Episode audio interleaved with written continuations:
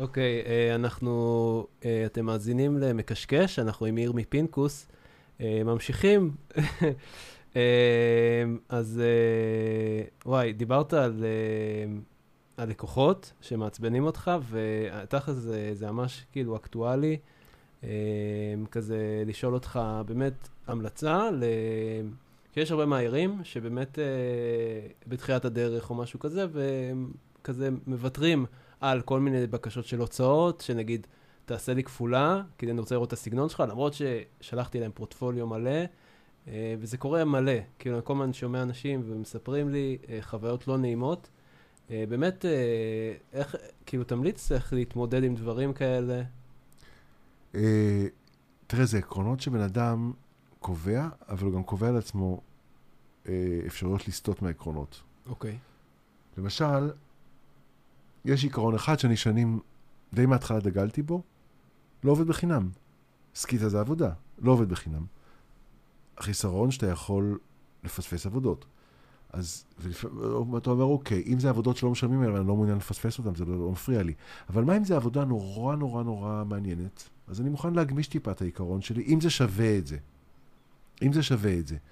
אה, זה נורא טריקי, כי אתה יודע, היום כזה כל אחד uh, בא ואומר למאייר, uh, וואי, זה, זה הציור שלך יהיה עכשיו במלא כנסים בכל העולם, או כל מיני, מוכרים להם. אז מה? היום, אתה, אתה יכול לשים את זה בפייסבוק, וזה גם יהיה מלא כנסים בכל העולם. מה, מה זה, זה לא... זה הדברים האלה, זה יקדם אותך, זה אני כבר לא יכול לשמוע את זה. זה יקדם, אנשים מקדמים את עצמם יפה מאוד, בלי שיגידו להם זה מקדם אותך. זה דווקא הפתיחה של הזירה לזירה גלובלית כזאת, בגלל הסיפור הדיגיטלי, אני חושב שזה כבר... Uh, להגיד, זה יקדם אותך. פעם היו אומרים לנו, תפרסם בעיתון שלי בחינם, אז השם שלך יופיע. אוקיי, ואז מה? זה יגרום לי לקבל עוד עבודות בחינם? תודה. יש uh, כמה עקרונות. תראה, לרותו יש עיקרון מאוד יפה, שהיא אומרת, okay. אוקיי. אתה לא מקבל עבודה אם אין לך לפחות שני דברים שיוצאים לך ממנה. זה יכול להיות כל מיני דברים. פרסום, כסף, עניין, טובה לחבר שאתה אוהב, זה גם בסדר. נכון. אבל לא רק אחד. היא אומרת, נגיד, נגיד, אתה לוקח עבודה, כי אתה, זה גם, גם יעשה לך פרסום וגם זה עשית למישהו טובה. Mm. אבל אם זה רק אחד, אל תיקח. זה עיקרון יפה. כן. אמ, אני, יש איזשהו עיקרון שאני אה, עובד עליו היום, אני לא יכול להגיד לך איך זה בתור מתחיל, כי אני כבר המון שנים לא הייתי מהר כן. מתחיל. אבל יש לי עיקרון שאני אומר, אוקיי, זה... אה, יש דיי ג'וב ויש את היצירה. לא תמיד הם מתחברים. זאת אומרת, זה מושג מתחום של הקומיקס האמריקאי, הדיי ג'וב. כמעט לכל צייר קומיקס אמריקאי, או לכל אדם שעובד בדבר הזה, או לפחות היה, שעוד הייתי יותר בתוך הזירה הזאתי, דיי ג'וב. אה, למשל, אתה מלמד באיזה חוג, אתה מלמד אפילו באקדמיה, okay. אתה מלמד ב... אה, אתה עורך באיזשהו עיתון, אתה, אה, אני יודע מה, אתה, מאייר, אתה מאייר בשביל מישהו במסחרי, במשרד פרסום. יש המון אפשרויות של מה זה הדיי ג'וב. מטרת הדיי ג'וב שלך זה לאפשר לך את הזמן ליצירה, שזה הדבר האמיתי. כן. אבל זה כמובן לאנשים שרוצים זמן ליצירה.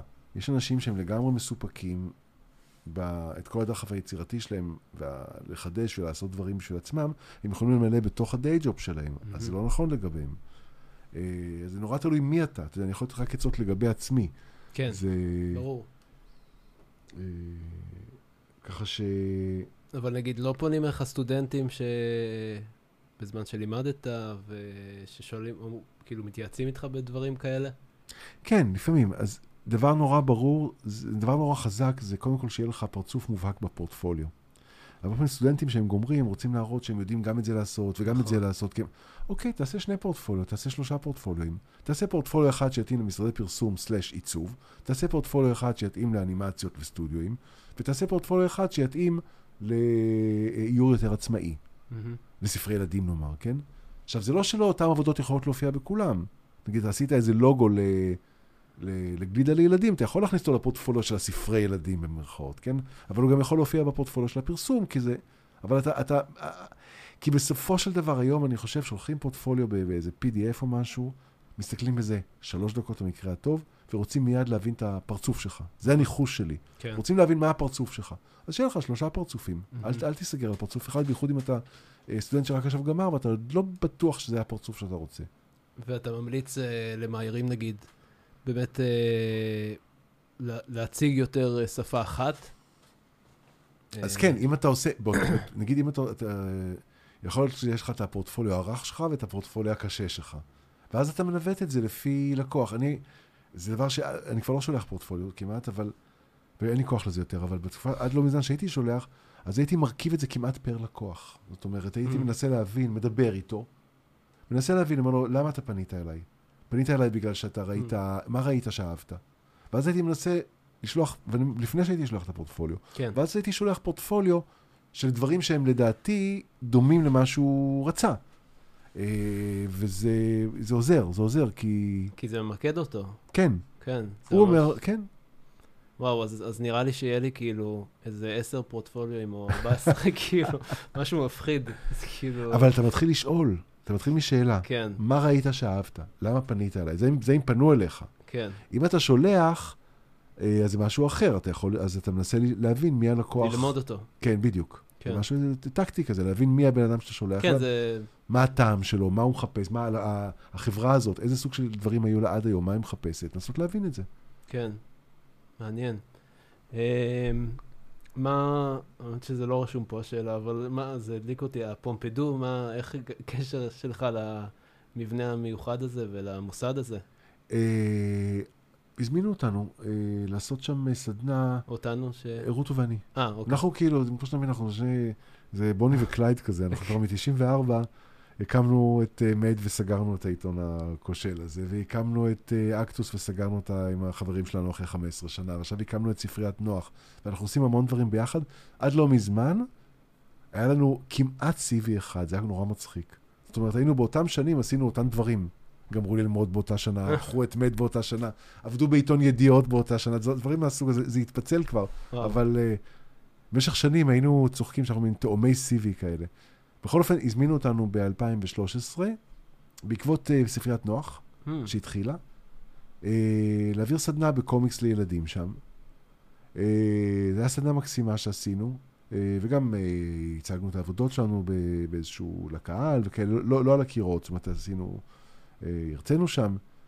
וזו הייתה עבודה נהדרת שעשינו עם ילדים, וזו פעם ראשונה, היה לנו... Uh, אני קצת מדבר צרפתית, אבל זה לא הספיק, והיה לנו עוד איזה בחור שנשאר איתנו אחר כך בקשר אה, מתורגמן, שהוא בעצמו אה, עוצר עכשיו במוזיאון לילדים בלווילט, בחור צעיר, חמוד נורא, אה, וזו הייתה הפעם היחידה שהרצינו שם, זאת אומרת, לא עשינו עוד סדנאות שם, זה היה... אה, אוקיי, סבבה. ב-CV, זה, זה נשמע טוב ב-CV, כן.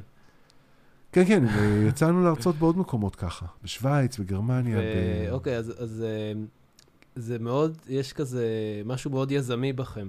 נכון. כאילו, אה, זה משהו שלצערי לא כל כך אה, מחברים למעצבים, ובכלל לא מכניסים את המושג הזה יזמות, למרות שזה לגמרי אקטוס וכל הדברים האלה, ויזמתם מלא דברים. אה, באמת ספריית נוח, איך, איך, איך גיבשתם, גייסתם, איך, איך זה עובד? כאילו, אני רוצה עכשיו לעשות הוצאת ספרים. זה לא איזה פנזין שזה משהו נכון. ממש כאילו... רות, תראה, הסיפור, קודם כל זה הסיפור הכלכלי. באקטוס היינו הרבה יותר צעירים, היינו נואשים, כי לא היה מי שיקרא את הקומיקס שלנו בארץ, או לא מספיק. אתה יודע, היינו מוכרים 200 עותקים בארץ, מי, מי יכול לעשות? זה, זה, זה אפילו לא עניין של כסף, זה עניין של אומן, לא רוצה שיקראו אותו 200 איש. אומן רוצה שיקראו אותו 20 אלף איש. כן. אז... אה, ואז השקענו את הכל, זה הכסף שלנו, אבל גם השקענו את העבודה שלנו, היינו הסבלים, היינו אחראים על הדפוס, היינו uh, מעצבים שכרנו תמיד, אה, שיעשו לנו את הטיפוגרפיה ואת העטיפות וכן הלאה, אבל אפילו גם היו תקופות שעשינו את העטיפות לבד, uh, הצבנו אותן לבד. Uh, זאת אומרת, זו הייתה השקעה גם כספית וגם עבודתית, זאת אומרת, שעתית uh, מאוד מאוד מאוד מאוד גדולה. Mm-hmm. וכשהקמנו את ספריית נוח כבר היינו רק שנינו, בלי החברים האחרים שלנו, ו... אמ, שזה בתיה ואיציק ומירה, וגם היינו יותר מבוגרים, ואמרנו, אוקיי, עכשיו בואו נחפש מודל אחר, כי המודל הזה שבו אנחנו העבדים של עצמנו, מיצה את עצמו. נמאס לנו. זה... אה, אני תמיד גאה להגיד שסגרנו את אקטוס עם כסף. ממש כל אחד יצא מזה עם קצת כסף, שזה אה, בעיניי לא בגלל שהסיפור הכספי, אלא בסיפור שהוכחנו איזה משהו. הוכחנו שאפשר. כן. לעצמנו, שאנחנו לא, לא סבסדנו את הדבר הזה, אלא באמת יצא מזה משהו. Uh, עכשיו, את ספריית נוח כבר לא יכולנו לעשות את זה. זה גם היה קורטו ואני.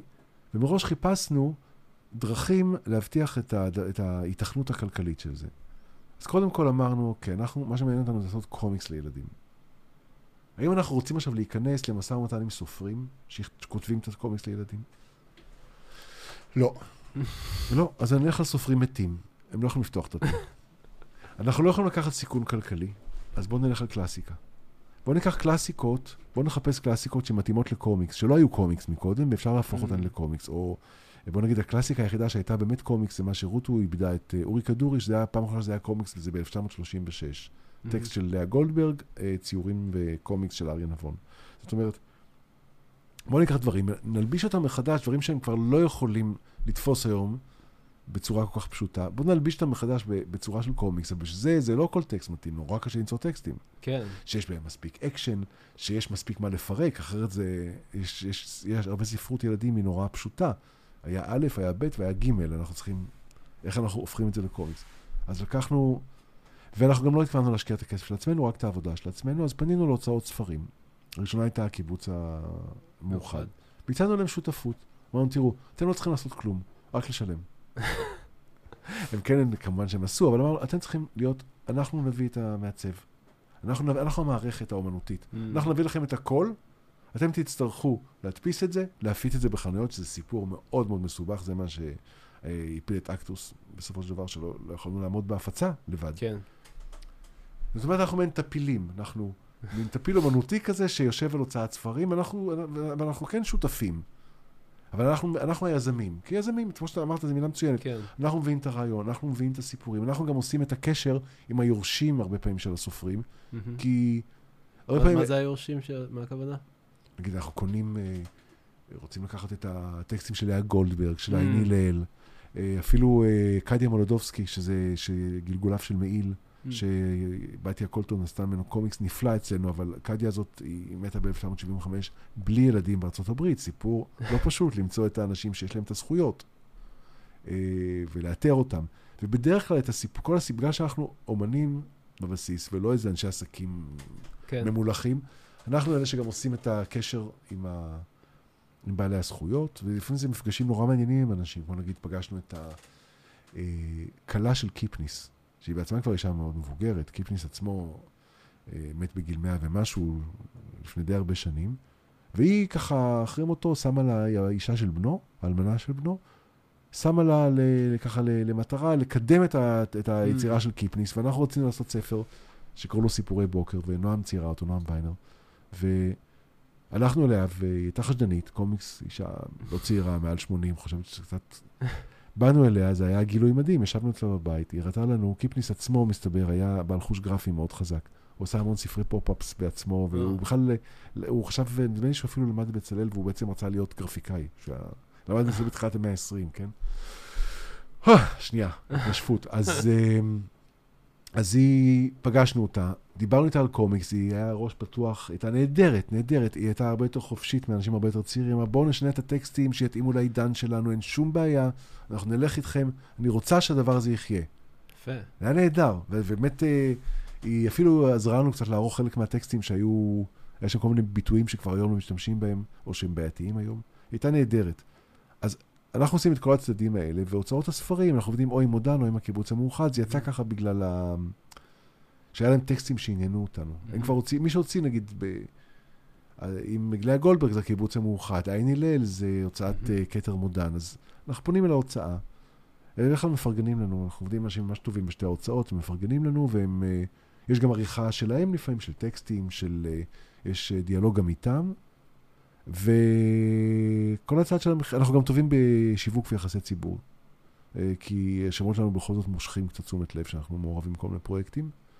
וגם אה, הצלחנו אה, באקט די, די יוצא דופן למכור את כל הסדרה mm. לפנטה גרפיקס באמריקה. יוצאת באנגלית הסדרה. ופנטה גרפיקס הם היו הראשונים שפתאום לא רצינו למכור את זה במפורק. רצינו, כי היה לנו איזשהו statement כזה, אומנותי. אמרנו, אנחנו לוקחים קלאסיקה עברית, יש לנו פה סופרים נפלאים לילדים, משוררים נפלאים לילדים, באמת ברמה נורא נורא גבוהה. יש לנו פה מאיירים נהדרים, חלק אנחנו משתמשים במאיירים ממש ותיקים, וחלק אנחנו פונים למאיירים שזה ממש הספר הראשון שלהם, כמו נגיד ענת ורשבסקי. Mm-hmm. אנחנו, אנחנו רוצים, אבל תעבדי איתנו וזה יהיה קשה. אנחנו עושים את זה המוות. יצא מדהים. נכון, הספר כאילו. שאני הכי אוהב. הכי אוהב. אני לא יודע את כולם, גם את הספר של שמרית אני משוגע עליו. היא גם הייתה אז די צעירה, די אה, אבל לא- יש לא מתחילה. לענת איזה משהו בקו, כאילו ממש יוצא דופן. יוצא דופן. כן. אנחנו מנסים שכל פעם זה יהיה מראה אחר קצת, ואנחנו משתמשים בזה שאנחנו מכירים את האנשים או מבצלאל רוטו או משנקר אני, ואנחנו יכולים לעבוד איתם, אה, אנחנו אומרים, אוקיי, אנחנו נעשה לכם את המוות, אבל זה מוות כיף כזה, זאת אומרת, אנחנו נעבוד איתכם על איור ברצינות, כן. נעבוד איתכם על, על זה בית קומיקס, ספר. כן, כמו שאף אחד אחר כן. לא עובד, אנחנו נודניקים, כמו שאף אחד אחר לא יעבוד איתכם, ו- ואומנים רוצים פידבק, אומנים רוצים עורך. רוצים לדעת, רוצים, זה, זה עוזר נורא, זה. וזה תהליך יצירתי משותף, אה, באמת משגע, ממש משגע. אוקיי, מעניין. אז אמרת מאיירים צעירים. מה ההבדל אה, לטעמך בין מאיירים היום ללפני 15 שנה? יש משהו שאני עכשיו הולך לשמוע זקן נודניק, אבל אני, זה דבר שהוא באמת נובע מהעידן הדיגיטלי ומהקלות שבה אתה מגיע לפיניש נורא נורא מהוקצע. אה, יש כל מיני דיבורים על זה גם יותר מעמיקים, יותר מעריכים, שאפשר למצוא בכל מיני פלטפורמות חברתיות, בכל מיני אתרים שמתייחסים לזה, אבל אנחנו חיים באיזשהו עידן משונה שבו האיור נורא נורא התקרב לתחום העיצוב. זאת אומרת, היד האישית כביכול איבדה את, ה, את החשיבות שלה. באופן מאוד מאוד מהיר אתה מייצר דברים שהם נראים כמו. הדבר, האסון זה כמובן הפינטרסט הזה, ש... שהוא נראה כמו איזה מין סלט שיש בו גם תותים, גם אבוקדו, גם אשכולית. בניינים. כן, אה, אה, גם, גם, גם אפונה, אתה לא מבין מה... ומצד אחד הדברים הם מאוד מהוקצעים. הגלובליזציה של הדבר הזה היא נפלאה, זאת אומרת, היום אני כל כך שמח שמהר שיוצא משנקר, מישהו בן 25 הוא יכול מחר לעשות אנימציה באוסטרליה, מחרתיים מהמם. לעשות, אני יודע מה, אה, פוסטר בניו יורק, ובעוד שבוע הוא יכול לעשות גם איור למגזין כלכלי בגרמניה. זה יופי הדבר הזה. הפתיחות של העולם היא דבר, היא באמת דבר נהדר ונפלא. המחיר זה הפתיחות של העולם, זאת אומרת שבעצם אתה חשוף לכל כך הרבה דימויים ולכל כך הרבה דרישות אה, אה, סופר מחמירות, שנורא נורא קשה להישאר אינדיבידואליסט בתוך הדבר הזה, והאמת אני אגיד שרוב האיורים שנעשים היום הם קצת משעממים, במובן הזה שאתה, נורא קשה למצוא קול שהוא טרי, קול שהוא חדש. בשביל זה למשל, אה, שהגיע לפני כמה שנים אה, ברכט אוונס, שעם הספר פנתר וכן הלאה, הוא מאוד ידוע בעולם של הקומיקס, הוא, אני חושב שהוא בתחילת שנות ה-30 שלו, והוא יצא מהבית ספר בבלגיה שהוא למד עם איזשהו חזון חדש על צבעי מים לא מאוד מהוקצעים, לא מאוד משופשפים, ויצר פתאום איזה שערורייה, לא שערורייה, זאת אומרת איזשהו, כאילו, כאילו בא מגדלור חדש, ובצדק, כי, כי, כי, כי היה לו את הדבר הזה האישי שלא היה עוד לפניו. כן. זה, זה מעניין, זה מחבר אותי לאחורה שש שנים, חבורת הטושים, ש... מהמם. שעשיתי, כאילו לקחתי את הסקצ'בוק שלי, ואז אמרו לי, תעשה משהו עם הסקצ'בוק, ו... וקראתי איזה חבורת טושים, לא היה חבורה, ואז אה, אור לבנה הצטרפה, וה... זה הדבר נהדר. ו- ובאמת, אה, באמת בשנה הראשונה, שנתיים, עשינו מלא אירועים, ו- והרבה פעמים לא הבנתי למה הפייסבוק מראה לך כאילו כמה מתלהבים מהעמוד שלך. אז הוא מראה engagement מאוד גבוה. כן. וכל הזמן אמרתי לאנשים, אני לא מבין למה, כאילו אנחנו מפרסמים משהו, כזה מלא לייקים, מלא... ו... ולאט לאט הבנו שבאמת uh, יש משהו שונה, ו...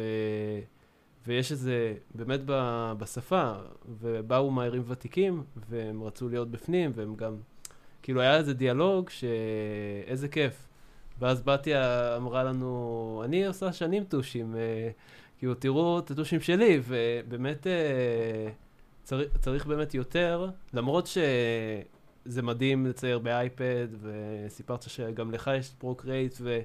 אבל עדיין אה, באמת אה, זה, החוכמה היא כנראה לשלב, כאילו לעבוד גם ידני וגם כאילו למצוא את השפה הזאת. זה לא שאלה של ידני, אני חושב שזו שאלה של אה, חזון עצמאי. אוקיי, קול, voice. ה-voice הזה יכול לבוא גם בפרוקריאט, והוא יכול לבוא גם ב... אה, בתוכנת פיקסלים, כמו נגיד דן אלון, שהוא מצייר את הקריקטורות כן. הפוליטיות שלו כביכול, בתוכנת פיקסלים מטופשת של ילדים. כן. וזה כל כך חזק, וזה כל כך יפה, וזה כל כך אישי. זאת אומרת, שזה לא קשור, להם, האמצעים הטכנולוגיים הם נורא מבלבלים ומתעתעים, כי אתה נורא מהר מגיע למשהו שהוא נראה כזה, שבן אדם לא נגע בו, וזה נורא יפה, אתה אומר, וואי, איזה מושלם זה. יש לך תוכנה שעושה הצללות, יש לך מברשת כן. שעושה אה, גיר בלי שנגעת בגיר. אתה אומר, וואי, איזה יופי, איזה מגניב, אבל זה באמת נשאר ברמה של איזה יופי, איזה מגניב. אני חושב שמה שבחבורת הטושים היה בזה אוויר. אוויר, הדבר הזה, והאוויר זה היצירה, האוויר זה ה, הדבר הזה החדש, אנשים רוצים לשמוע את הקול שלך. עכשיו, כמובן שיש את עולם האיור המקצועי שהוא צריך להתפרנס ממנו, ובהחלט צריך לייצר, יש דברים נפלאים שאנשים עושים, אתה רואה המון כן. אנימציות, אבל... אה, וזה גם, וגם אפשר לערער על התפיסה שלי. אני חושב שהיופי של האיור, הכוח של, מה שהופך אותו בעצם ליצירה, זה הייחוד של כל קול, קול באות קוף, כן? כן? הייחוד של כל יוצר, זה נראה לי הכי חשוב. זאת אומרת, אם היו נותנים לי היום להקים מחדש בית ספר לאיור, אז הייתי מקים אותו, אה, בית ספר כמעט בלי שום אספקט מעשי. הייתי מקים אותו כמעט כמו בית ספר לאומנות. Hmm. כי אני חושב שזה המקום הנכון שלו היום, אני חושב, בעולם שלנו, וזה זה, זה, זה, זה, זה החוזקה של האיור, בתוך העולם הגרפי הסופר מתוחכם, סופר חלקלק, סופר זה, זה, זה לתת לנו מה שהאומנות יכולה לתת, שזה שאר רוח, שזה פנטזיה, שזה מוזרות, שזה, mm. אה, שזה על הצד ולא על האמצע, ללכת קצת על השוליים. זה מה שאיור עושה בתוך העולם של הגרפיקה. וללכת באמצע, זה, זה נורא פשוט. איך, איך באמת, אה, אוקיי, אז, אז אני מבין את התשובה, אבל אה, עדיין אה, יש הרבה מאיירים שמחפשים את השפה שלהם, ושנים עובדים על זה, ו... ואם זה עם תוכנות שונות, או באמת, אתה אומר, זה לא התוכנה. לא. אז באמת, מה, יש לך את התרגיל הזה בשנה א', לצייר 50 אה, או 100 חיות. כן. אז מה, הם צריכים לצייר כל לילה, כאילו, את הדברים האלה עד שיצא להם משהו? באמת, מה, איך, איך באמת הם יגיעו לשפה הזאת ש... אלוהים יודע, יש המון דרכים. יש המון דרכים. Uh, אני חושב, קודם כל, לגבי כלים, אני חושב שצריך לדבר עם הכלי. גם אם זה מחשב. מחזיק אותו ביד. אם אתה מצייר עם עכבר, אתה מצייר על המחשב עם איזה, איזה סקרין כזה, או אתה מצייר בפרוקריאט אה, עם, עם העט הנחמדה הזו. להסתכל ולהגיד, מה אתה יודע לעשות? מה אתה לא יודע לעשות? מה אתה אומר לי בתור כלי? אני, נגיד, אני מחזיק את העיפרון, כן. אני אומר לעצמי, נגיד, עיפרון, עיפרון, אתה יש לך, אתה קצת דפוק, אתה אין לך שחור באמת, אתה קצת אפור. מה אני יכול לעשות עם זה? אתה טוב במעברים, אבל אתה לא טוב בזה. אבל אני אחליף אותך בעיפרון של uh, צבעי ציור, של צבעים, של, של עפרונות ציור. כי שם העיפרון יותר שחור. וואלה, פה, עכשיו יש לי פתאום שחור, יש לי חזק. מה אתה יודע לעשות? מעברים. מה אתה לא יודע לעשות? בוא נתחכם לך, בוא נראה מה אתם... זאת אומרת, קודם כל זה דיאלוג. זה מחקר, דיאלוג. כן, אתה מדבר איתו, אבל אתה מסתכל על הכלי באמת, אתה לא מנסה ישר להגיד, אוקיי, עיפרון, וזה... מה הכלי אומר לך. למשל, דוגמה, שאני נותן גם לסטודנטים, אה, כל ה... שאוהבים לצייר עם אה, כאלה עטים כמו פיילוטים. כן. פעם התנגדתי, היום אני לא מתנגד, אבל אני אומר, אוקיי, פיילוט, אתה, מה הוא אומר לך? הוא אומר לך, אני דק, דק, דק, דק. איתי מציירים לאט, לאט, לאט, לאט. כן. נכון? אז בוא תתחיל להקשיב לו.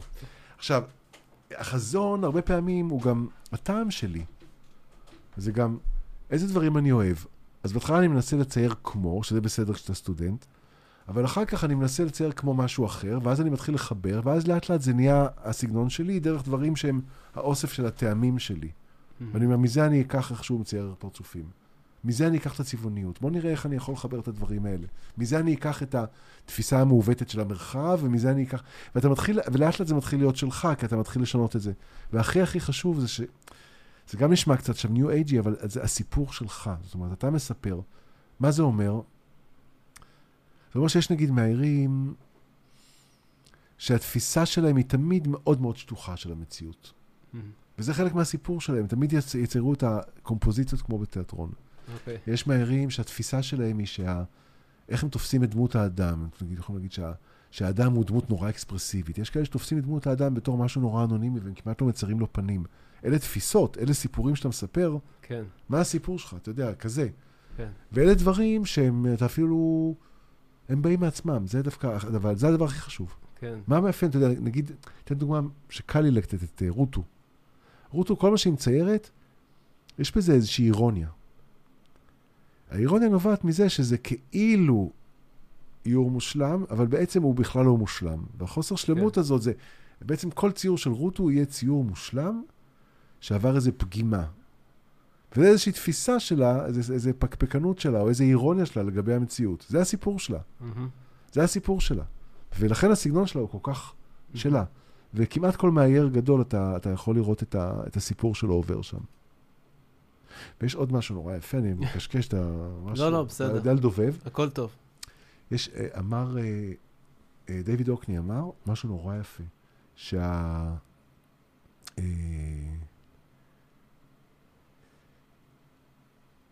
הטעות זה הביטוי האמיתי של האינדיבידואל היצירתי. Mm. למה? כי מה שאתה ואני יודעים לעשות מושלם, נגיד יתנו לנו עכשיו לעשות, אני יודע מה, משבצות סקוטיות בפוטושופ. לא יבדילו אם אתה עשית את זה או אני עשיתי את זה. אבל אם ייתנו לנו עכשיו לצייר אה, ארנבת, אתה מבין, אריה, שזו חיה שאני לא יודע לצייר כל כך טוב. ואני אנסה, לש... אני, אני לא, אני אטעה שם, כי אני לא אזכור מה קורה בדיוק בפנים, ואתה תטעה אחרת, כי אתה לא תזכור מה קורה mm. בזנב, זה יהיה ההבדל בינינו, זה מה שיהפוך את זה לאינדיבידואלי. Mm. הטעות, כן. מה שאתה לא תדע. ולכן לא צריך לפחד מטעויות, זה יפה. כן, דיוויד אוקני. וואו. אנחנו מדברים אה, לאחרונה הרבה עליו בפרקים. כאילו, כן, אני, אני מאוד מלך. אוהב את הדברים שלו, ועוד מהירים דיברו עליו. Uh, כן, יש לו משהו מאוד איורי בנופים. סיפורי.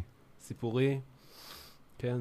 Uh, אולי תדבר קצת על התהליך עבודה של uh, מר גוזמאי, mm-hmm. uh, כי עשית מעבר לידני, ואיך באמת, uh, איך שם התגלגלו הדברים, אתה... מתחיל בעיפרון ומקשקש, אה, רפרנסים, הולך לספרייה, איך, איך, אה, איך, זה, איך זה קורה? עד מר גוזמאי הבדאי, זה ספר ילדים השני שלי, אני חושב, עבדתי כמו שתיארת עכשיו. תחקיר ויזואלי תמיד, אוקיי. היסטורי, okay. בגדים, אופנה. לא מצייר בית בלי שיש לי שלושה רפרנסים של איזה בית שאני רוצה, ואני מרכיב אותו מאיזה ארבעה אחרים, כן. מעץ או מלוחות פח או מה שלא יהיה. אה, צבעוניות, בודק על המחשב, מחליף, ו... נמאס לי מעצמי. פשוט נמ... זה היה ברנאוט שדיברת מקודם, נמאס לי מעצמי. הגעתי לספר הזה, זה היה ספר, ה... זוג הספרים הראשונים בספריית נוח, רותו עשתה את אורי כדורי, ואני עשיתי את זה. נמאס לי. נמאס לי מהמחשב. נמאס לי מה... בדרך כלל אני מצייר, אני מצייר, אה, אני מצייר ביד, ב... ב... אני מצייר סקיצה בעיפרון, שם אני עושה את כל הטעויות שלי, ואז אני מעביר למכחול מאוד מאוד אלגנטי, דיו, ואת זה אני סורק וצובע על המחשב. נמאס לי מזה. מהמכחול, מהסקיצה, נמאס לי מה... כל הפרוטרטים האלה? כן. זה ב... אה. זה ביד. ביד, ואז אתה סורק את זה? כן. הצביעה ממוחשבת, אבל הציור הוא ביד. אבל נמאס לי מזה. וגם נמאס לי מהתהליך עצמו של לעשות סקיצות לכל הספר, לדעת בדיוק מראש מה הולך להיות בכל ציור, mm-hmm. לצ... ואז לגשת, לגמור את כל הסקיצות הסופר מדויקות, ואז ללכת לדיו לכל הספר, ואז לצבע, לא יכולתי לסבול את זה יותר. Mm-hmm. גם לא היה לי זמן. והילד שלי נולד, לא היה זמן, הייתי, הייתי בכאילו חופשת uh, לידה בבית, הייתי כמה חודשים, אמרתי, אוקיי, זה הזמן שלי לגמור את, ה... את הספר, אין, אין לי זמן, אין לך זמן פשוט. ולא רוצה להשקיע בזה, ולא בהכרח, היה לי גם איזושהי השערה, שצדקתי, שלא בהכרח להשקיע יותר זמן, זה אומר שזה יצא יותר יפה. זה כולם יודעים, אבל אני עוד לא ידעתי את זה. ואז פשוט התח... עשיתי איזושהי תוכנית נורא פשוטה של הספר, פרסתי פחות או יותר את הזה, התחלתי לצייר, וכמו שאמרתי לך מקודם על איך, איך אני כותב, שזה כל דבר הוא סיבה שמולד לתוצאה, וכל תוצאה היא בעצמה סיבה למשהו אחר. אז ככה ציירתי את זה. ציירתי את זה מציור לציור, וגמרתי ציור עד הסוף, ואז ציירתי את הציור הבא. ואם לא הצליח, זרקתי וציירתי שוב. ו... ציירתי בצבעי עיפרון. כמובן שעשיתי סקיצות בעיפרון, כי בכל זאת בקומיקס יש לך הרבה מחויבות שאתה לא יכול אה, לצייר ולהניח. אם נגיד יש continuity, uh, אם, אם בציור הקודם הוא עמד ומאחוריו את האונייה, גם פה צריכה להיות אונייה מאחוריו, והאונייה הזאת צריכה לזוז. זאת אומרת, אתה חייב לעשות סקיצות בעיפרון קודם. אבל ברגע שעשיתי סקיצות בעיפרון, אני סורק אותן, mm-hmm. קצת מתקן על המחשב uh, uh, יחסי גדלים, את הקומפוזיציות, מדפיס אותן על נייר טוב, בצבע חלש, חלש, חלש, כמו מין תכלת חמישה אחוז, mm-hmm. ציין חמישה אחוז, לוקח עיפרון ומצייר על זה, על הדף. זהו, ומצייר צבע עיפרון. ואיך, אה, נגיד, הדמות הזאת, כאילו, היא מאוד מיוחדת. כאילו, כן. יש לה איזה משהו כזה חמוד, מקצועי, אה, אפשר להגיד הרבה דברים עליו. אה, עשית מלא דמויות כאלה לפני? שלושים. אה. יש לי איזו הרצאה שאני מראה את ה-30, אה, אוקיי. אבל הן די דומות אחת לשנייה. אה, אה, מה- שלא ציינתי מקודם זה שדבר נורא נורא חשוב לאומן כדי לפתח סגנון זה לייצר לעצמו מגבלות. Hmm, זאת אומרת, הכורח הוא אבי המצאה. אז פה, בגלל שלא היה לי זמן, וגם אף פעם לא עבדתי עם צבעי עיפרון על ספר, מאז בצלאל בערך, ולא רציתי להתחיל לעשות צבעי עיפרון כאלה סופר מושקעים, שיש שכבות ואור וצל וזה. אז אמרתי לעצמי, אוקיי, אני לוקח ארבעה צבעים, hmm. אני בוחר אותם טוב, ועם הארבעה האלה אני מצייר את כל הסיפור.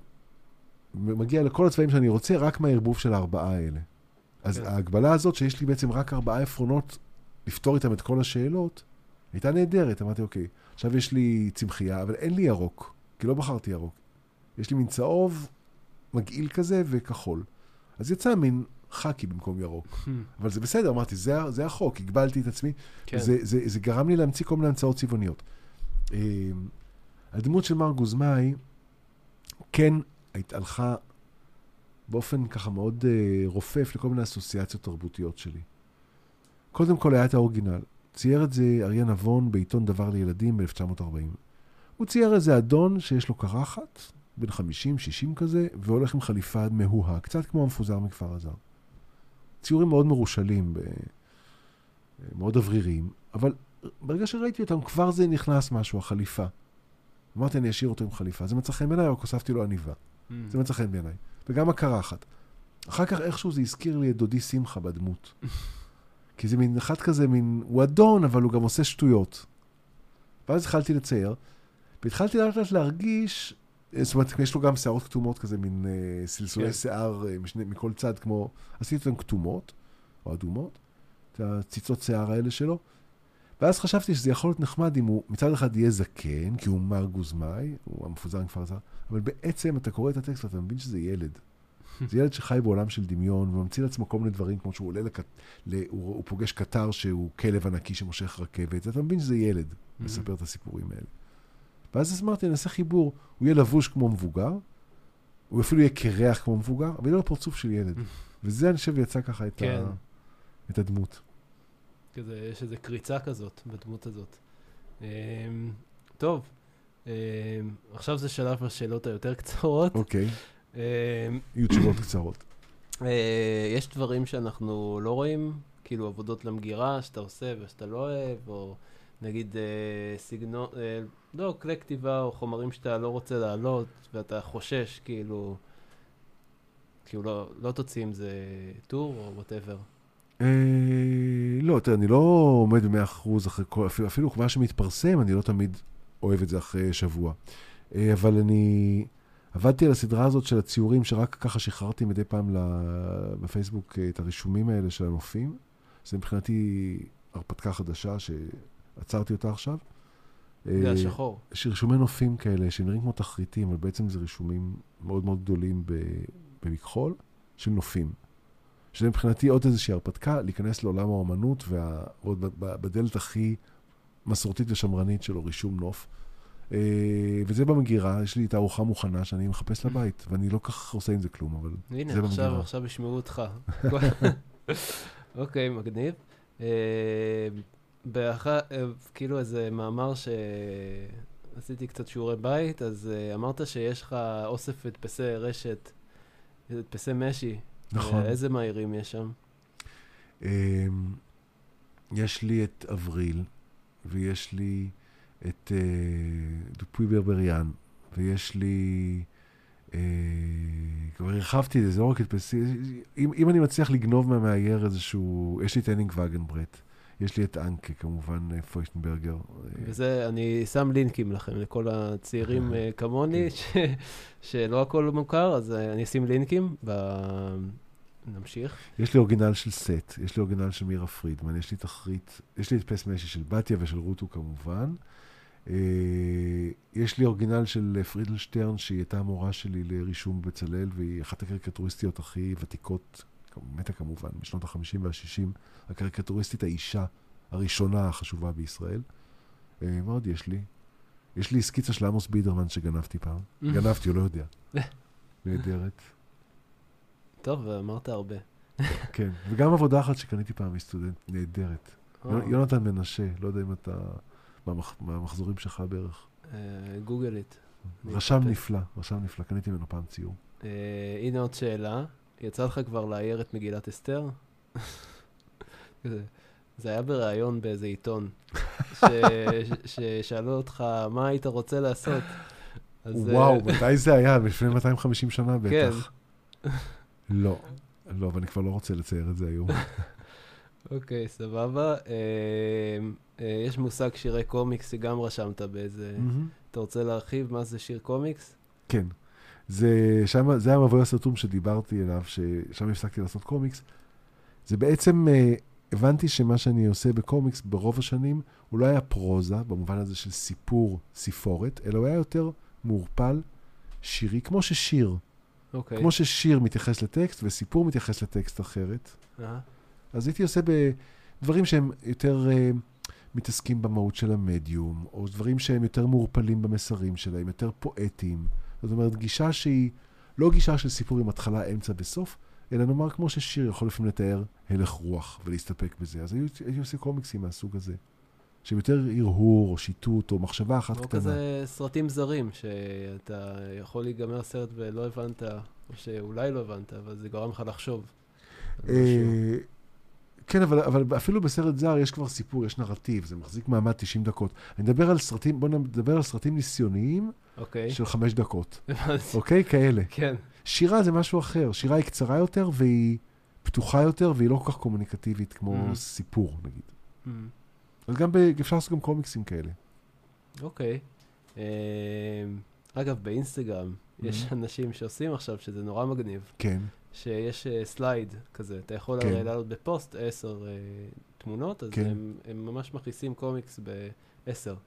אז זה ממש אה, שירי, זה, זה השירים. אבל זה שירי, או ש... זה, זה לא האורך. זה השאלה אם יש שם סיפור עם התחלה, אמצע וסוף, או שזה משהו שיותר מעורפל, שיותר הרהור. לא, זה מאוד מסודר. אוקיי, אז זה סיפור, סיפור אף... קצר. כן. אה, תראה, הנכות שלי בעולם הרשתות החברתיות ועולם הדיגיטלי, היא גם קצת מפחד, אבל היא גם קצת מבחירה. זאת אומרת, אני נורא מפחד שאם אני אכנס לזה, אז אני לא אצא מזה. אז... אה, אתה בטוח לא תצא מזה. זה החוכמה שלהם, ככה כן. הם שולטים בכל המוחות. אני כרגע מסתובב עם טלפון נוקיה שקניתי בלונדון לפני חמש שנים, זה הטלפון הראשון שלי. מהודי ברחוב שמכר את זה, נפל כנראה מאיזה מכולה והוא מכר את זה בחמישה גרושים. זה הטלפון שלי ואני מאוד גאה בו. יפה. יש, יש מעבר של uh, הרבה אנשים, גם, גם מעולם ההייטק, שעוברים לכזה dumb phone, כאילו, כן. שאין לו שכל, וזה טלפון, ויש להם אייפד או מחשב או whatever, כן. אז אתה לא באמת צריך את כל הפייסבוק שלך, כל החיים שלך על לא. הפלאפון, וזה גם מוציא מאיזון במהלך היום. אמ, מה אתה שומע בזמן העבודה? תלוי מה, מה אני עובד. כשאני כותב, אני מתאים את המוזיקה למצב רוח שאני רוצה לייצר בעצמי. אמ. אם אני רוצה להיות משועשע, או שאם אני רוצה לייצר, לייצר בכתיבה, לייצר בכתיבה. אה, נגיד עכשיו אני, הרומן שאני כותב הוא מצחיק, אבל הוא מצחיק, אה, וכל הזמן החלטתי שאני אשמע אני שומע כל הזמן אותו דבר. אוקיי. Okay. זאת אומרת, אני בא כל יום, פותח את אותו, אה, את אותו פלייליסט, ואני שומע את אותו פלייליסט כל יום. Mm-hmm. אז עכשיו אני, במשך חצי שנה שמעתי את, את השירים של ג'ורג' ברסאנס, okay. אוקיי. שהוא זמר צרפתי מ-60, 70, שנות ה-60, 70, נהדר. זמר יוצר כזה, הוא גם כותב את השירים, את המילים, ויש לו איזה מין הלך רוח כזה, קצת משועשע שהתאים לי, ופתאום הגעתי בספר לאיזשהו רגע חזק, שהדמויות פתאום מתחילות להעמיק את, את חיי הרגש שלהם, ועברתי ישר לממפיס לים ולשיקגו בלוז. זאת אומרת, ועכשיו אני שם. אבל אני, אני באמת מתאים את זה לכתיבה, אני מתאים את זה לפי ה... המזג אוויר שאני רוצה לייצר בעצמי. ובציור זה נורא תלוי. אה, הרבה פעמים זה דווקא, לפעמים אני שומע איזה, איזה פודקאסט, לפעמים אני, אה, אבל אני לא תמיד מרוכז, לפעמים אני שומע מוזיקה קלאסית אה, מאוד ממריצה, כמו נגיד באך או מוצרט, שזה כזה, אתה יודע, טק, טק, טק, טק, טק, טק, טק, טק, טק, כן, אבל זה מכניס אותי ל high כזה. יפה. איזה פודקאסט מומלץ? לא משהו. אוקיי, מה החלום? אוי, זה היה ברשימת שאלות שזה? לא, לא חשבתי על זה. אתה לא צריך לחשוב, זה, זה, זה, זה, דווקא זה צריך להיות אינטואיטיבי כזה, זה יכול להיות... אה, מה החלום? עוד הוצאת ספרים, או וואטאבר, כאילו. אה, החלום שלי זה שאני לא אצטרך אה, לעבוד לפרנסתי, ושאני אוכל לעבוד להנאתי ב- ביצירה שלי, כי יש לי אה, המון המון רעיונות כל הזמן לעשות עוד דברים. אני כבר, ספר ילדים שמחכה, שאני אגמור את הרומן, אני, ספר ילדים שכתבתי ואני רוצה גם לצייר, ואני די ממציא כל הזמן דברים, וחסר לי זמן בשביל ההמצאות שלי. Mm, אז זה מה שאני רוצה, שאני לא אצטרך יותר אה, להתפרנס. יפה.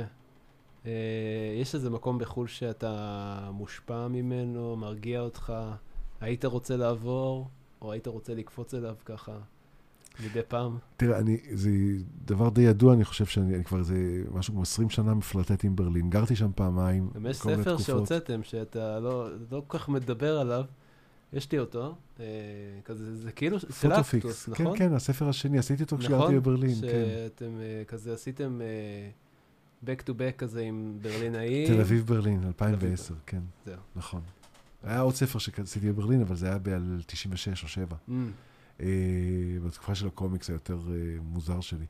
אה, ברלין זה מקום שאני איכשהו הגעתי אליו בתחילת שנות ה-90, תפס אותי נורא חזק בכל מיני מישורים, גם אה, ביוגרפיים של המשפחה וגם אה, אישיים וגם אה, איזה מקום כזה שאימת אותי עם המון שדים שלי ונסעתי ל... נסעתי ובאתי ולימדתי שם ול- ו- ו- וחזרתי ונסעתי וזה מקום שאני מרגיש בו ממש בתור הבית השני שלי. ו...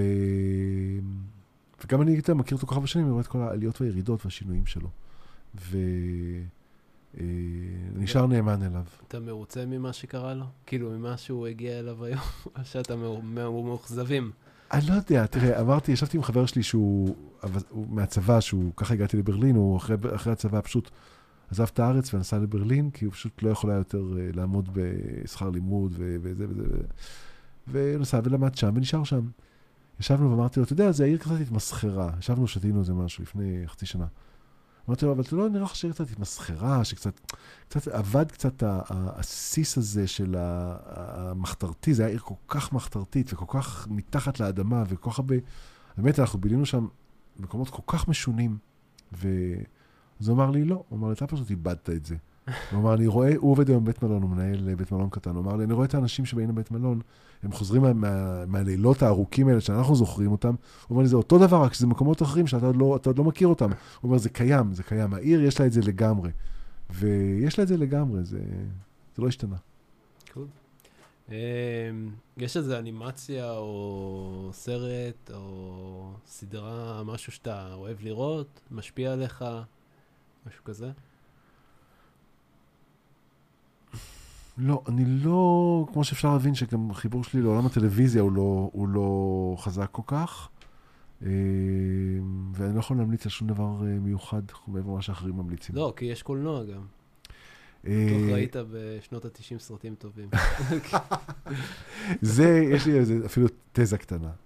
שיש, אתה יודע, יש הרי, אני ראיתי את זה גם באנשים שמבוגרים ממני, בדור ושני דורות. כל דור יש לו את הבמאי שלו, שהוא הוא מייצג את הדור הזה. אה, לא את כולם בדור הזה כמובן, אבל בוא נגיד שיש דור, דור או שניים לפניי זה היה אינגמר ברגמן, ואחר כך זה היה Mm. פליני. עכשיו, פליני זה במאי שמאוד מאוד אהבתי, אבל הוא לא ייצג את הדור שלי. הוא ייצג דור או שניים לפניי. אני חושב שאת הדור שלי מייצג אלמודובר. זאת אומרת, זה כאילו הבן אדם שהוא גם מייצג איזושהי תפיסות עולם, הומור, תפיסת עולם, תפיסה של צבעוניות, תפיסה של אה, אה, עמדה צינית או משועשעת כלפי העולם, או איזושהי עמדה, או גם אמוציונלית. והיום, אני חושב שהדור של היום, אני מנחש, שנגיד אה, וס אנדרסון הוא הרבה יותר, שגם מה שאני Mm. מת עליו, אה, הוא מייצג לדעתי, אבל הדברים מאוד יפה. החדשים יותר, כאילו, של האלפיים, של אלמדובר, התחברת אליהם? אה, העדפתי אותו בתקופה היותר אמוציונלית שלו, אבל גם אני אוהב גם מה שהוא עושה, כי אני כן, אני כן אוהב לראות איך הוא משתנה בתור אומן. זאת אומרת, זה אומן שמעניין אותי גם היום. גם שהוא נופל. אני, אני, קודם כל, הוא- זה נורא יפה מה שהוא עושה. נכון. זה פשוט יפה קודם כל. הוא, יש לו, הוא אומר, קולנוע זה קודם כל משהו שרואים. וכן מעניין אותי ההתפתחות האישית שלו בתור יוצר, אבל אני באמת כבר פוזל נגיד לאנדרסון אני מאוד אוהב. אה, אה, יש, אה, ומי שעכשיו אני ממש ארוס עליו זה סורנטינו, פול סורנטינו. אוקיי. אה, שעשה את אה, נעורים ואת אה, רומא. אה. עיר- עיר- רומא לנצח, משהו כזה. רומא שזה שחור לבן, והצילומים. לא, לא, לא, לא, לא. יפה לנצח, לא אה, רומא. אוקיי. זה רומא של פליני. אה, יפה לנצח. הוא במאי איטלקי, הוא, אני חושב שהוא בן 45, 50, משהו כזה. סופר מעניין. סופר מעניין, והוא גם ככה במאי שהיום תופס אותי. אוקיי. יש איזה סרט שאתה ראית שזה התחבר לך עם איור? כאילו, היה איזה משהו שם סיפורי שראית ואמרת, בא לי לעשות פוסטר של זה, או משהו כזה, או קומיקס, לא יודע, שממש נגע בך. אה, זה לא, זה אף פעם לא קורה, אבל אני כן יכול לראות, נגיד, אה, סרט כמו מלון בודפסט, שזה לגמרי סרט שעשה אותו מאייר, זה ברור, כן? מהמם. זה... כמו שפליני, דרך אגב, היה מאייר, לפני שהוא נעשה קולנוען, הוא היה קריקטוריסט. רואים את זה, רואים, רואים שהוא קריקטוריסט. לא, דווקא, דווקא הדבר הזה, זה, נראה לי זה dead end. ליצור בהשראה של סרט, כי זה כבר יצירה כל כך שלמה וטובה, אם היא טובה. אז. מה צריך ליצור בהשראתה? זה לא קורה שמתחשק לי בהשראת סרט. אוקיי. אה, מוזיקה? כאילו בהשראת מוזיקה זה קורה לך, או שלא?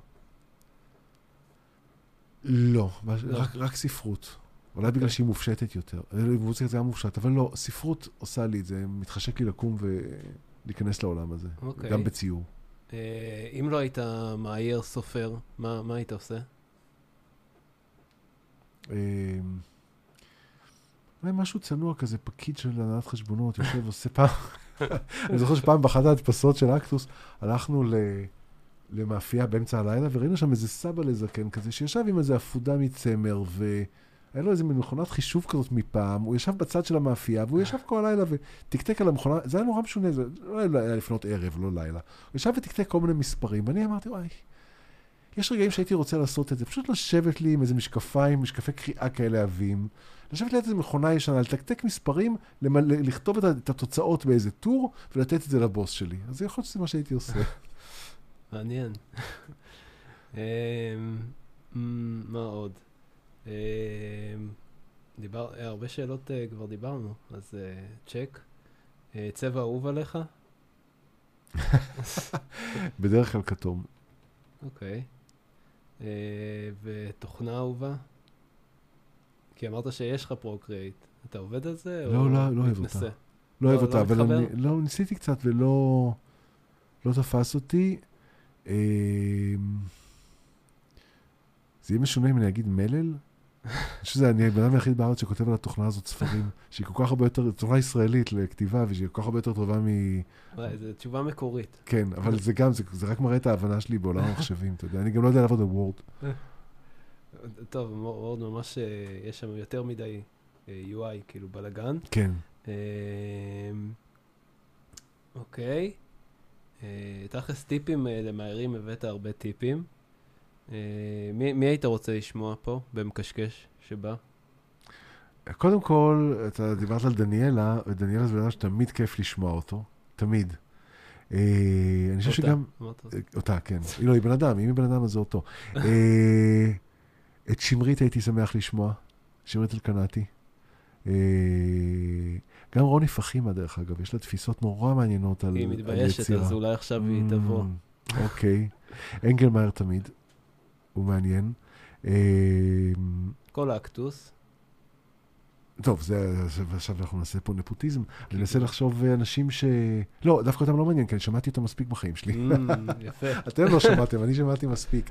לא, הייתי, הייתי מנסה דווקא, הולך לאנשים, אה, אה, כמו נאמר שעניין אותי לשמוע את אלון ברייר, שאני נורא אוהב את העבודה שלו, אבל אני לא פגשתי אותו אפילו פעם אחת בחיים, אז כאילו הייתי, זאת אומרת. לא דיברתי איתו אף פעם בחיים, ודווקא עניין אותי לשמוע מישהו שאני לא...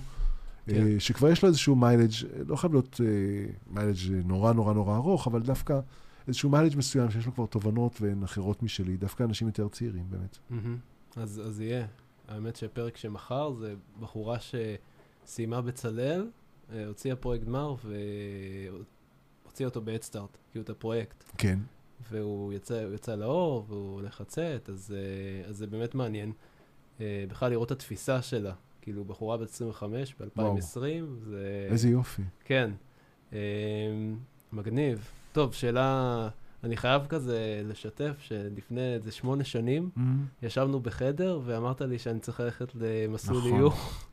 הייתי חייב, אה, ואני באמת שלחתי לך הודעה, נראה לפני שנה, שאני עצמאי, וקצת מתבאס שלא עשיתי את זה, ובאמת מעניין אותי מה ראית אז. באמת, שאתה אומר, שאתה אומר על תלמיד, אתה רואה את העבודה שלו, אתה אומר, הוא, הוא צריך ללכת למסלול איור. כן. זה מאוד מאוד מאוד פשוט. זה גם, עכשיו, תדע לך שזה לא תמיד, נגיד בשנה א', אני כבר הרבה זמן לא לימדתי א', אבל לפעמים כשאני עושה פגישות ייעוץ, או כן רואה אנשים משנה א', זה לא תמיד התלמיד הכי טוב בכיתה באיור, הוא זה שיש לו את הדבר הזה של האיור. עכשיו, במקרה שלך זה היה, בתיה לימדה אותך, אני לא לימדתי אותך, נכון. בתיה לימדה אותך, ואני הייתי אז uh, עדיין ראש, זה היה יותר משמונה שנים, הייתי עדיין ראש uh, לימודי נכון. איור, והיא אמרה לי, אירני, יש פה בחור סופר מוכשר, תשכנע אותו. וניסיתי ולא הצלחתי, ואני מצטער על זה, כי בעובדה שהפאשן שלך הוא שם. אבל יש שני דברים, שאחד זה המילה שעכשיו ציינתי, זה תשוקה. כן. אתה רואה תשוקה של הבן אדם לצייר. זאת אומרת שהוא לא עושה, הוא לא עושה את התרגיל שאמרו לו, אלא יש פה איזו תשוקה לעשות משהו מיוחד, משהו אחר, או משהו, אפילו אם זה לא מצליח, אתה רואה שם איזושהי תשוקה או איזו מוזרות דווקא, לא את הסטנדרט, זה דבר אחד. ועוד דבר שמאפיין אנשים, גם אם הם לא מהירים בשלב הזה, אבל הם יהיו, זה אה, שהם פותרים כל דבר בצורה סיפורית, ולאו דווקא בצורה... וזה... אני ממש יכול לתת רשימה די ארוכה. אני חושב שה, שהאנשים שחזיתי שהם יהיו מהירים, למשל יערה גולדברג, שהיא רק עכשיו, לפני שנה סיימה, בחורה סופר מוכשרת שלמדה אצלנו, ואני חושב שהיא תעשה דברים נהדרים. ואני חושב שראיתי את זה כבר, כשלימדתי אותה בשנה א' או ב', ראיתי שהיא לא הכי טובה בכיתה. אני חושב שהיו תשיעיות, והיא לא הייתה מאחת מהתשיעיות. יערה, אם את שומעת, אני לא זוכר אם זה נכון או לא, אבל נגיד. אבל היה לה את הדבר הזה, שעניין אותה, היא התעקשה על סיפור, ואיור זה קודם כל סיפור. Mm-hmm. ואתה רואה את זה, שהיא מספרת סיפור בפתרון שלה למשימה. היא לא כן. מתעסקת רק בצורות גרפיות. ולכן זה יכול, לפעמים זה פחות מושלם, כי היא שמה לעצמה. אני עכשיו, אני באמת, התיק שלך זה כבר נורא, אני נורא מזמן, זה, אני לא זוכר, אני, אני, זוכר, אני זוכר את הסיטואציה, ואני זוכר שנורא הצטערתי. לדעתי אני זוכר איזה שהן עוצמות של צבע נורא חזקות. כן, כי היה פרויקט שזה היה מה... גן חיות שבאוניברסיטה, כן. נכון? אז שהולכים, ואז uh, היה צריך רישומים, ואז uh, עשיתי את זה על לוחות עץ, והיה שם, כן, היה הרבה צבעים זרחניים וורוד, ו... אני חושב כן. שזה היה יותר בעניין של, של הפאשן שאני זוכר. זה מה שאני זוכר, שבן אדם שיש לו תשוקה לאיור, כי הוא כן. אתה רואה את התשוקה. זה, זה, אתה רואה את זה, זה אי אפשר לפספס, אתה רואה את זה אחרי כל כך הרבה שנים. זה מעניין, זה מעניין, כאילו, זה נורא מאתגר, אני חושב היום, נגיד, באמת להגיד לבן אדם, אתה צריך ללכת למסלול איור, כי למרות שיש, uh, שהמהירים מתפרנסים, וכאילו יש אבולוציה טובה עם כן. העולם הווב, אבל עדיין, uh, הנה, אני פחדתי, כאילו פחדתי, כן. הלכתי למסלול הכי קיצוני, כאילו אינטראקטיב, ותראה, כל הזמן למדתי את זה, אבל בצד עשיתי את חבורת הטושים, כן. דברים כאלה, רק איור. אבל באמת אתה, יש את הפחד הזה, כאילו יש הורים ויש, אתה יודע, מה, כסף. כן. למרות שאנחנו ב... אז תראה, קודם כל, הדברים לא מוחלטים. עובדה שאפשר לפלרטט עם כל העולמות, והיום באמת ה... הדברים יותר נזילים, ואתה יכול, יכול להגיע לאיור מכל מיני כיוונים. ואם אתה מתעקש, אז אתה מתעקש, אתה, אתה דוגמה, כן, יש עוד אנשים, אני מכיר עוד אנשים שההתעקשות שלהם היא, אה, היא משם. אה, אני בעצמי לא למדתי בית ספר לאיור, למדתי בית ספר לתקשורת חזותית. אה, זה... עכשיו, הסיפור הזה של הפרנסה, הכסף וכן הלאה, זה גם קצת, זה גם, אני, אני כבר באמת, אני מודה שאני לא מבין את העולם איך הוא מתנהל היום, ואני לא מבין, נגיד, אבל אני כן יודע שמהירים מוצאים עבודה. הם עובדים בכל הצוותים בחברות אה, אה, סטארט-אפים, וזה תמיד צריך מהעיר, כי המהיר הוא גם מעצב היום. זאת אומרת, יש מספיק דיי ג'ובס, כמו שאמרתי מקודם, בשביל מהירים. יחד עם זה, היום אני מאוד מאוד נזהר מלהגיד למישהו לגבי העתיד שלו, אני קצת mm-hmm. uh, יותר מנוסה ואני לא רוצה אפילו להגיד לאנשים לגבי העתיד שלהם, אלא אם כן, פה ושם, וזה קורה לפעמים, אני רואה כזה כישרון מובהק. וברור, שכואב לי הלב שהוא לא ילך לאיור, ואז אני שמה, כל התותחים אני מפנה ל, ל, לזה. זה קורה לפעמים. אבל אם זה לא משהו כזה, כל כך מובהק, אני כבר לא עושה את ה... לא עושה שיחות שכנוע. טוב. אה, כן, אני מצטער, אבל אה, לא נורא. כאילו, יש מלא מהירים, כמו שאמרת, שבכלל לא למדו במסלול הזה, ו... זה, לג... זה לגמרי ו... תלוי בתשוקה. זה לגמרי. אני יכול לספר לך שעכשיו אה, לימדתי בסינמטק אנימציה לילדים, כזה לעשות גיפים ודברים כאלה, ואחת התלמידות ביקשה לצייר כזה, היא אומרת לי, ביקשה איזה, עשיתי לה איזה דודל, מרכב כן. כזה, והיא הייתה מובכת, כאילו, אמרה, לא, לא, צייר כזה עם שרירים וזה. אמרתי לה, טוב, אחר כך, כי אין לי מושג איך עושים את זה. ואז הלכתי ליוטיוב איזה שלוש שעות, הסתכלתי, וזה, מנגה, כל הדברים האלה, ועשיתי לה שיעור על זה. ואז ביחד ציירנו. באמת, זו פעם ראשונה ש... כי אני לא, אני לא רואה את הדברים ככה, ואני חושב שזה יתרון. כן. כאילו, ואנשים הם נתקעים בגלל שהם יודעים את ה... זה, זה, זה, זה הדבר הזה של איך שאתה רואה, זה מה שדיברנו קודם על, על חזון, זה איך אני רואה. מה זה בשבילי בן אדם? איך אני רואה? איך אני רואה את העולם? אני לא רואה את העולם בתור אוסף של יצורי מנגה מושלמים כאלה. אתה גם, אתה אומר, כן. זה מה שאתה אומר.